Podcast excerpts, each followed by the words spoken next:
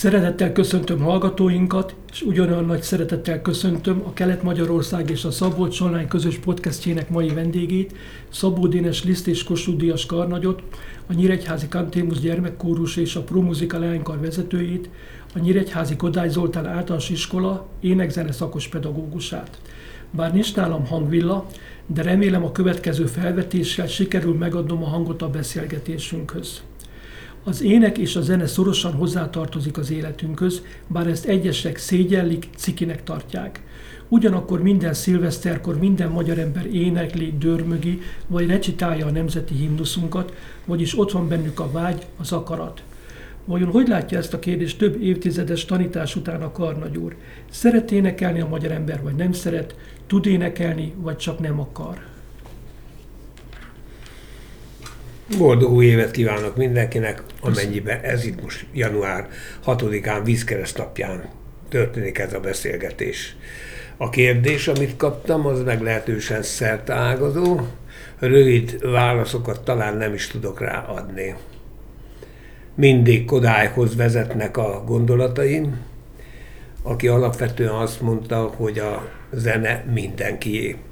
Ma már egy kicsit progresszívek vagyunk, mert Kodály híres mondását kicsit átalakítottuk, és azt mondjuk, hogy legyen a zene mindenkié. Ez jó, biztos a mester sem tiltakozna ellene, hogy így egy kicsit átalakítottuk az ő gondolatát.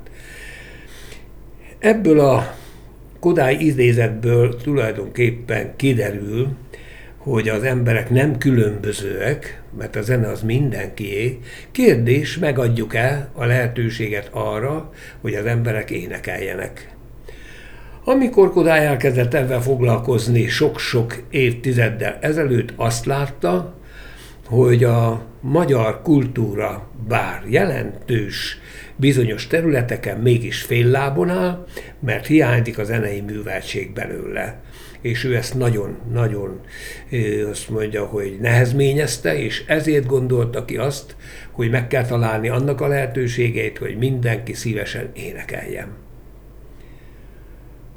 Ezért találta ki azt, hogy a felnövekvő ifjúságot menné hamarabb el kell kezdeni az ének irányába vezetni, hogy aztán avval jól tudjon az élete során élni mindenki tudja már, az egész nagyvilág is idézi a híres mondását, mikor kell a zenei nevelést elkezdeni, mondta ő a gyermek születése előtt kilenc hónappal.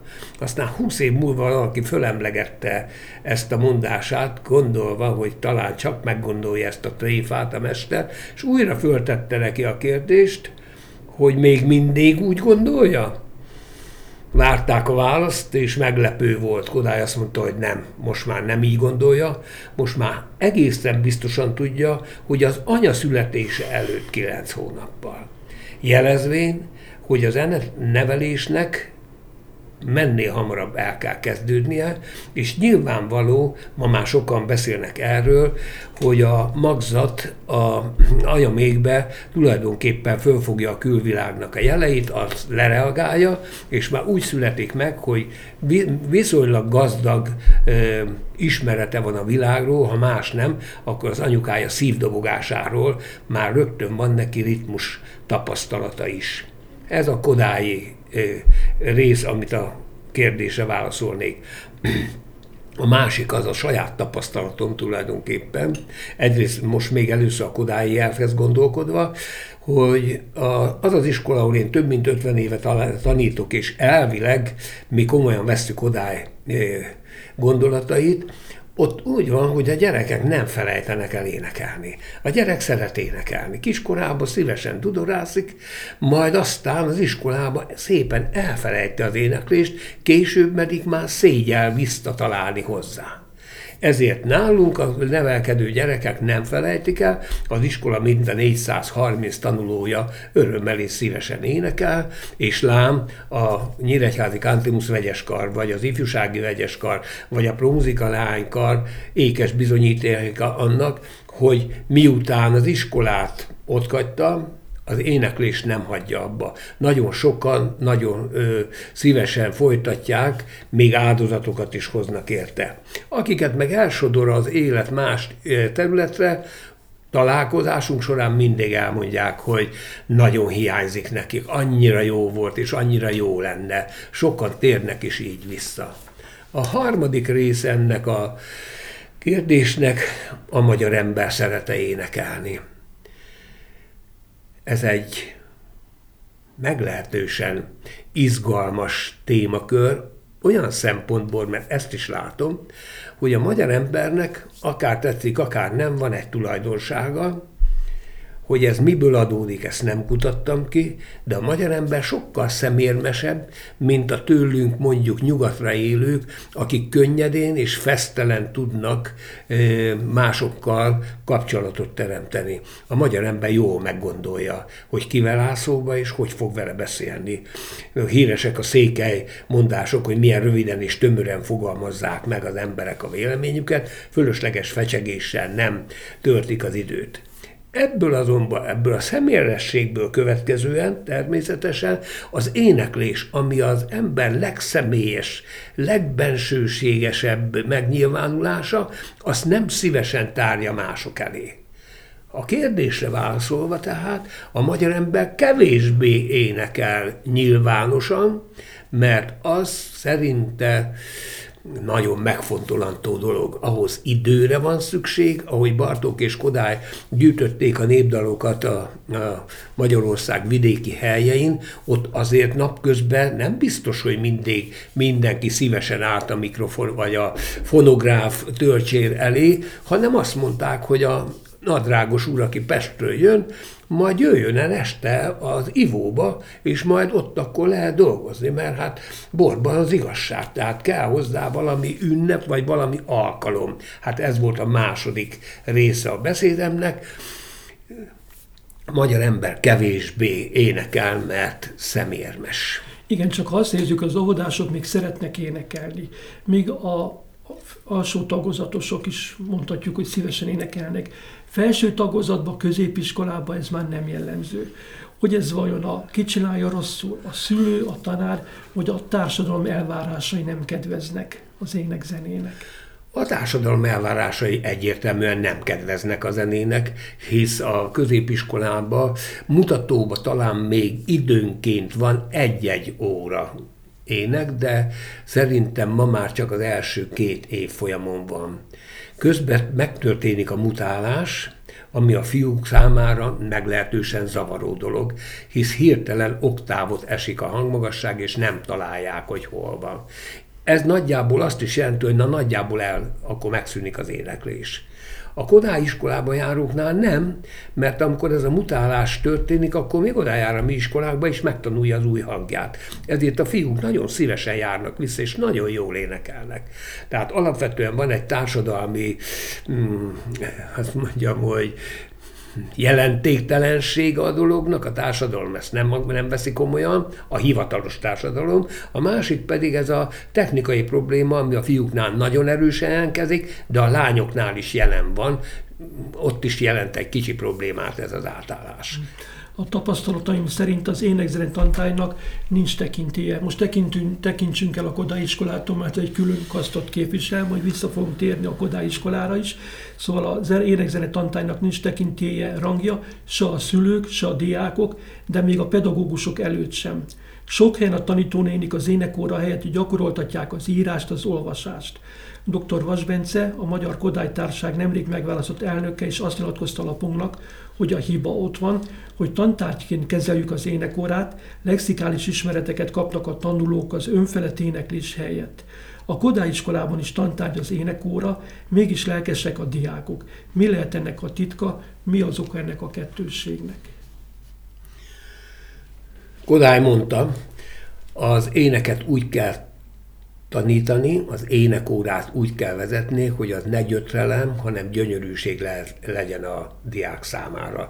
Ez egy, a, hogy is mondjam, ez egy axióma, ez egy olyan alaptétel, ami amire az alkotmányt is föl lehet építeni, a preambulum egyik sarkalatos pontja. Ezt tudomásul kell venni. Ahogy a testnevelés órán is a test mozgása adja az örömet, elméletileg nem lehet megtanulni diszkot dobni, vagy gerejt vetni, vagy a óriás kereket megcsinálni a nyújtón. Ugyanígy az énekórán természetesen mennél többet kell énekelni, méghozzá úgy, hogy az értéket képviselve gyönyörűséget jelentsen. Hogy bizonyos elméleti dolgokat is meg kell tanulni, az nem baj, de ha a felvezetőbe hallottuk, ha ez túlzárba esik, akkor bizony olyan lesz, mint a többi tantár. Pedig Sokan mondják, a testevelés meg az ének az készségtantárgy. Rekesztve ki a többi közül, miközben szerintem a matematika pontosan olyan készségtantárgy, mint ami az ének vagy a testnevelés, mert ahhoz is egy sajátos készség kell, hogy azt olyan könnyen elmenjen az ember a, a számok világába, titkos világába. Muszáj, hogy még azt is mondjam, hogy Ismét egy axióma, egy sarkalatos tétel, miszerint Kodály szerint az általános iskolába két nagyon fontos tantárgyban, alaptantárgy, a testnevelés és az ének.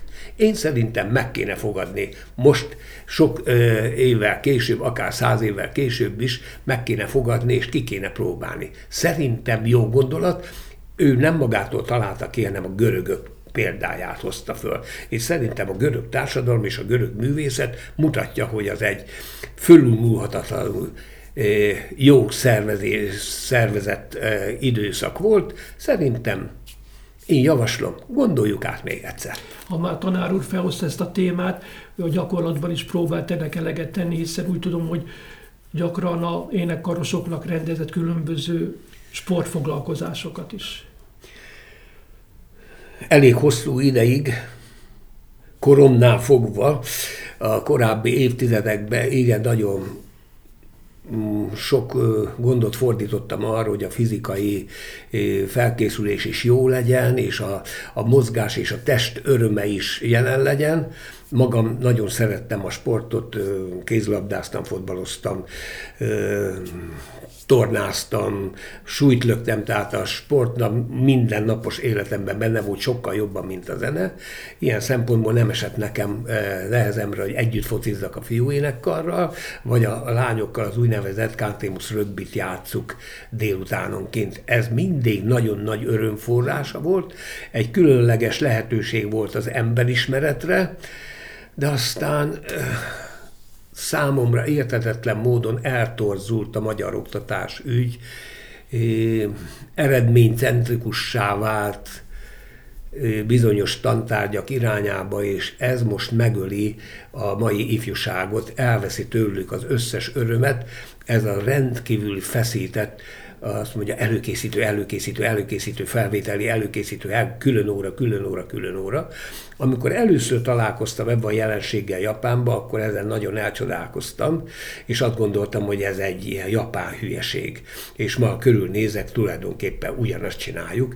A gyerekek bemennek mondjuk nagyjából 7 óra után valamikor az iskolába, onnan 3 órakor eljönnek, és mennek a délutáni iskolába, ahol külön óra, külön nyelvóra, külön matematika óra, külön, külön, külön óra, és akkor másnapra még föl kell készülni 6 órából. Én én szerintem, aki ezt felnőtt módon azt gondolja, hogy ezt kell csinálni, az nem az én barátom. Az nem ismeri a gyerekeket, és nem is szereti a gyerekeket. Ez egy e, eltévesztett irány, és ezt mindenféleképpen minél hamarabb vissza kéne fordítani, hagyni a gyerekeket normálisan nőni. A kultúra napjához közeledve óvatatlanul is felvetődik a kérdés, nem kell-e féltenünk az ének-zenei kultúra jövőjét? Gondolok például arra, hogy régebben sokkal több kúrus vett részt az éneklő ifjúság mozgalomban, és nem csak olyan énekkorok, amelyek zenei tagozatos iskolából jelentkeztek. Kodály Zoltán mondta, hogy a kultúrát nem lehet örökölni, hanem azt minden nemzedéknek el kell sajátítania. Hogy látja ezt a helyzetet napjainkban, tanár úr? A Kodály idézet rendkívül fontos és nagyon jó idézet, bár meg kell mondjam, hogy nagyon igazságtalan, hogy nem lehet átörökölni. Olyan sok mindent átöröklünk, szüleink vagyonát átörököljük. Hogy van az, hogy pont a kultúrát nem tudjuk átörökölni? De vitatkozni nem lehet vele, mert így van. Nem könnyű, de így van. Igen, mindenkinek meg kell tenni a magáét. Az énekoktatásra visszatérve pedig azt kell mondjam, hogy egy meglehetősen erőteljes visszafejlődés van, főleg a nagy kodái bárdos időköz képest a kék világháború köz kialakuló éneklő ifjúság mozgalom területén, az kétségtelen, hogy ráadásul a Covid hatására ez most rendkívül visszaépült. Nem régen voltam zsűrie az országos kórusversenynek Budapesten, és ott mi még azt mondtuk, hogy milyen jó, hogy volt 30 énekkar, és hogy ezek énekelnek. Igen ám, de ez valamikor 2000 volt. Most is elég sok van még, de már azt mondja, ilyen versenyekre már nagyon nehezen szállják el magukat az énekkarok. Sok oka van, ezt most nem mondom el, de nagyon erős a visszafejlődés ebbe a kérdésbe. És mivel az énekoktatás is teljesen megszűnőbe van, igazából nem látom, hogy a utánpótlás kérdésében bigasztaló jelek mutatkoznának. Karnagy úr említette a Covid időszakát. A koronavírus járvány idején nem lehetett az énekkarokkal próbálni, koncerteket szervezni. Akkor meglehetősen pessimistán látta a kórus mozgalom helyzetét, tanár úr. Mondhatjuk, hogy tovaszálltak a viharfelhők, és most már minden nap fényes derűs? Ha valakinek levágják egy végtagját, az többet nincs ott. A Covid tulajdonképpen egy ilyen drasztikus beavatkozás volt, ennek a jelei most is itt vannak, a nyoma nem csak a gyerekek között, hanem a felnőttek között is ott van. Valaki mondta, hogy semmi nem lesz most már olyan, mint korábban volt, akárhogy akarjuk, nem lesz olyan. Megváltozott az emberek egymáshoz való viszonya, az, hogy az emberek bezárkóztak, az emberek félnek, nem szeretnek közösségbe menni, sokszor meggondolják. Ilyen szempontból a Covid elképesztő károkat okozott. De ha én ezt csak az énekre mondanám, akkor azt mondják, hogy igen, szakmai sovinizmus azért mondja ezt. De nem így van, mert az énekórán keresztül pontosan belelátok abba, hogy a gyerekek fejszellemi fejlődése milyen módon ö, futott zátonyra.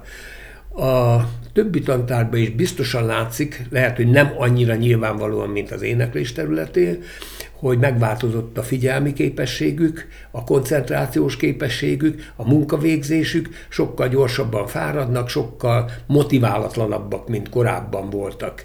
Ezt most valamilyen módon meg kell próbálni. Hát van egy generáció, aki ezen most átesett, és főleg azt gondolom, hogy akik az általános iskolába eh, szenvedték el ezt a két évet, azoknak lehet, hogy ez, mint a vörheny után a szív problémák, lehet, hogy egész életükre megmarad. Aztán a Covid-dal kapcsolatban is elmondom, hogy az nem volt teljesen úgy, utólag persze könnyű gondolkodni, de törvény szerint nem mondták, hogy nem szabad énekelni. Fölhívták a figyelmünket a veszélyekre, fölhívták a figyelmünket arra, hogy óvatosan csináljuk ezt, de nem volt konkrét tiltás, hisz megkérdeztük a, a legfelsőbb hatóságokat, és ők azt mondták, hogy ez nem így van. Nyíregyházán kőkeményen betartották, Pesten voltam a minisztériumban, megyek az utcán, és hallom, hogy vidáman énekelnek az iskolába, hisz az ablakon keresztül ki lehetett hallani a Kodály iskolában különösen jó lehetőségek lettek volna arra, hogy a rendszabályokat az óvatossági szabályokat betartjuk, és emellett nem engedjük el a gyerekeknek a kezét. Ezt én úgy gondolom, hogy azok a középvezetők, vagy nem tudom én, akik ebbe döntöttek helyileg, ezek nem jól döntötték ezt el. A felelősség az övék ebbe a kérdésbe. Reméljük, hogy Covid ez most már a múlté.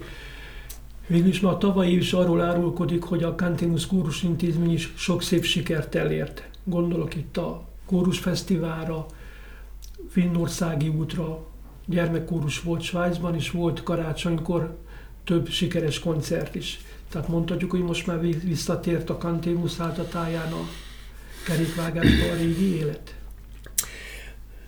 Azok, akik hallották az én segédkiáltásaimat, úgy látszik, hogy nem volt hiába való, mert emlékeztek rá, és eljöttek rendezvényeinkre, hangversenyekre, stb. Azok álltak előttem, és mondták, hogy hát de minden rendben van, hát ez ennél jobbat Igen, kifele úgy néz ki. A városvezetésnek mondtam szemléletesen, hogy a hajó fedélzetén még minden teljesen jónak néz ki, hát minden rendben van, de a raktérben mi látjuk, hogy lékek vannak a hajón, és ömlik be a víz a, hogy is mondjam, aki csak a fedélzeten van, azt meg lehet téveszteni abban, hogy a dolog rendben van. Nincsen rendben. Én úgy látom, hogy bár nagyon nagy energiákat mozgosítunk meg, még nem mondhatom azt, hogy szerintem túl vagyunk rajta.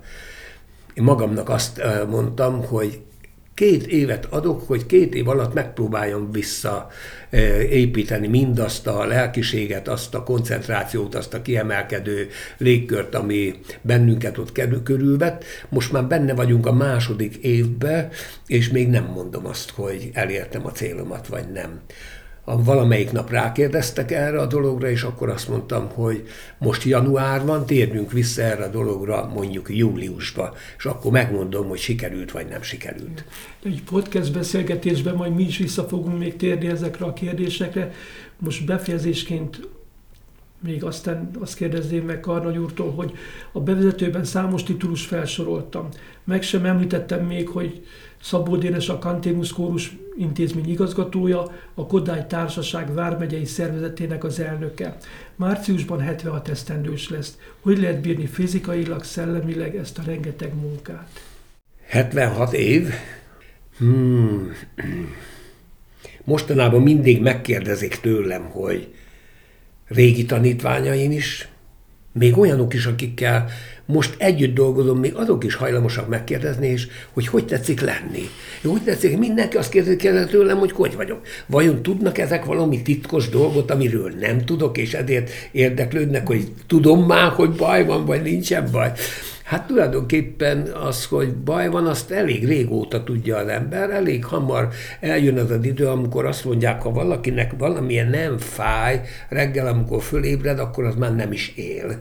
Tehát az elég régóta megvan, hogy reggel fölkelni nem olyan könnyű, nehezen mozdulnak az ízületek, és hát más dolgok is jelzik hogy időnként a körzetű orvos a kardiológiára kényszerít engem, ott akkor mindig megbeszéljük, hogy nincs olyan nagy baj, és akkor megy tovább a dolog. Szellemileg meg azt kell mondjam, hogy nem érzem magam rossz formába, és az 50 év pedagógiai tapasztalatának a birtokában meg azt kell mondjam, hogy rendkívül jó teljesítménnyel tudok ebbe a pillanatban a munkahelyemen jelen lenni, hisz az nagyon sokat segít, hogy 50 év alatt hogy szedtem össze azokat az apró módszereket, amelyel ma valamit 5 perc alatt tudok megtanítani, amit máskor esetleg egy óra alatt sem tudtam megtanítani.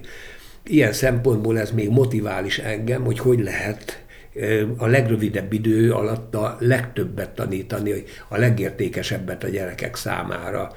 Ebben a pillanatban azt gondolom, hogy mások azt mondják, hogy ez nem normális életmód, heti több mint azt, 30 hogy a frissesség oka az, hogy mindig a fiatalok között van tanár úr. Jaj, ezt mindig szoktam mondani, amikor semmit nem tetszett váltani, változtatni. Ó, hát nyugodtan letagadhatna másfél hetet az élet, életkorából lesz vicces, tehát mindig mondják, hogy meg Ennyit ilyenkor szoktam én mondani, hogy van nekem egy ravasz módszerem, miszerint a fiatalságtól elszívom az ő fiatalságukat, magamba szívom, mint egy pióca vagy mint egy élősködő, ők nem veszik észre, engem pedig értet. Kétségtelen, hogy így van, mert mindig változnak a gyerekek, hihetetlen inspirációt jelent mindig az új garnitúra, akinek a szemét, a fülét, az eszét, a szellemét ki tudom nyitni erre a, a csodálatos világra, amit Kodály mindenki számára azt mondta, hogy a zene mindenkié. Kívánom tanárunknak, hogy még sokáig szívja a fiatalok bele az erőt, további erőt, egészséget kívánunk, és köszönöm a beszélgetést. Én is köszönöm.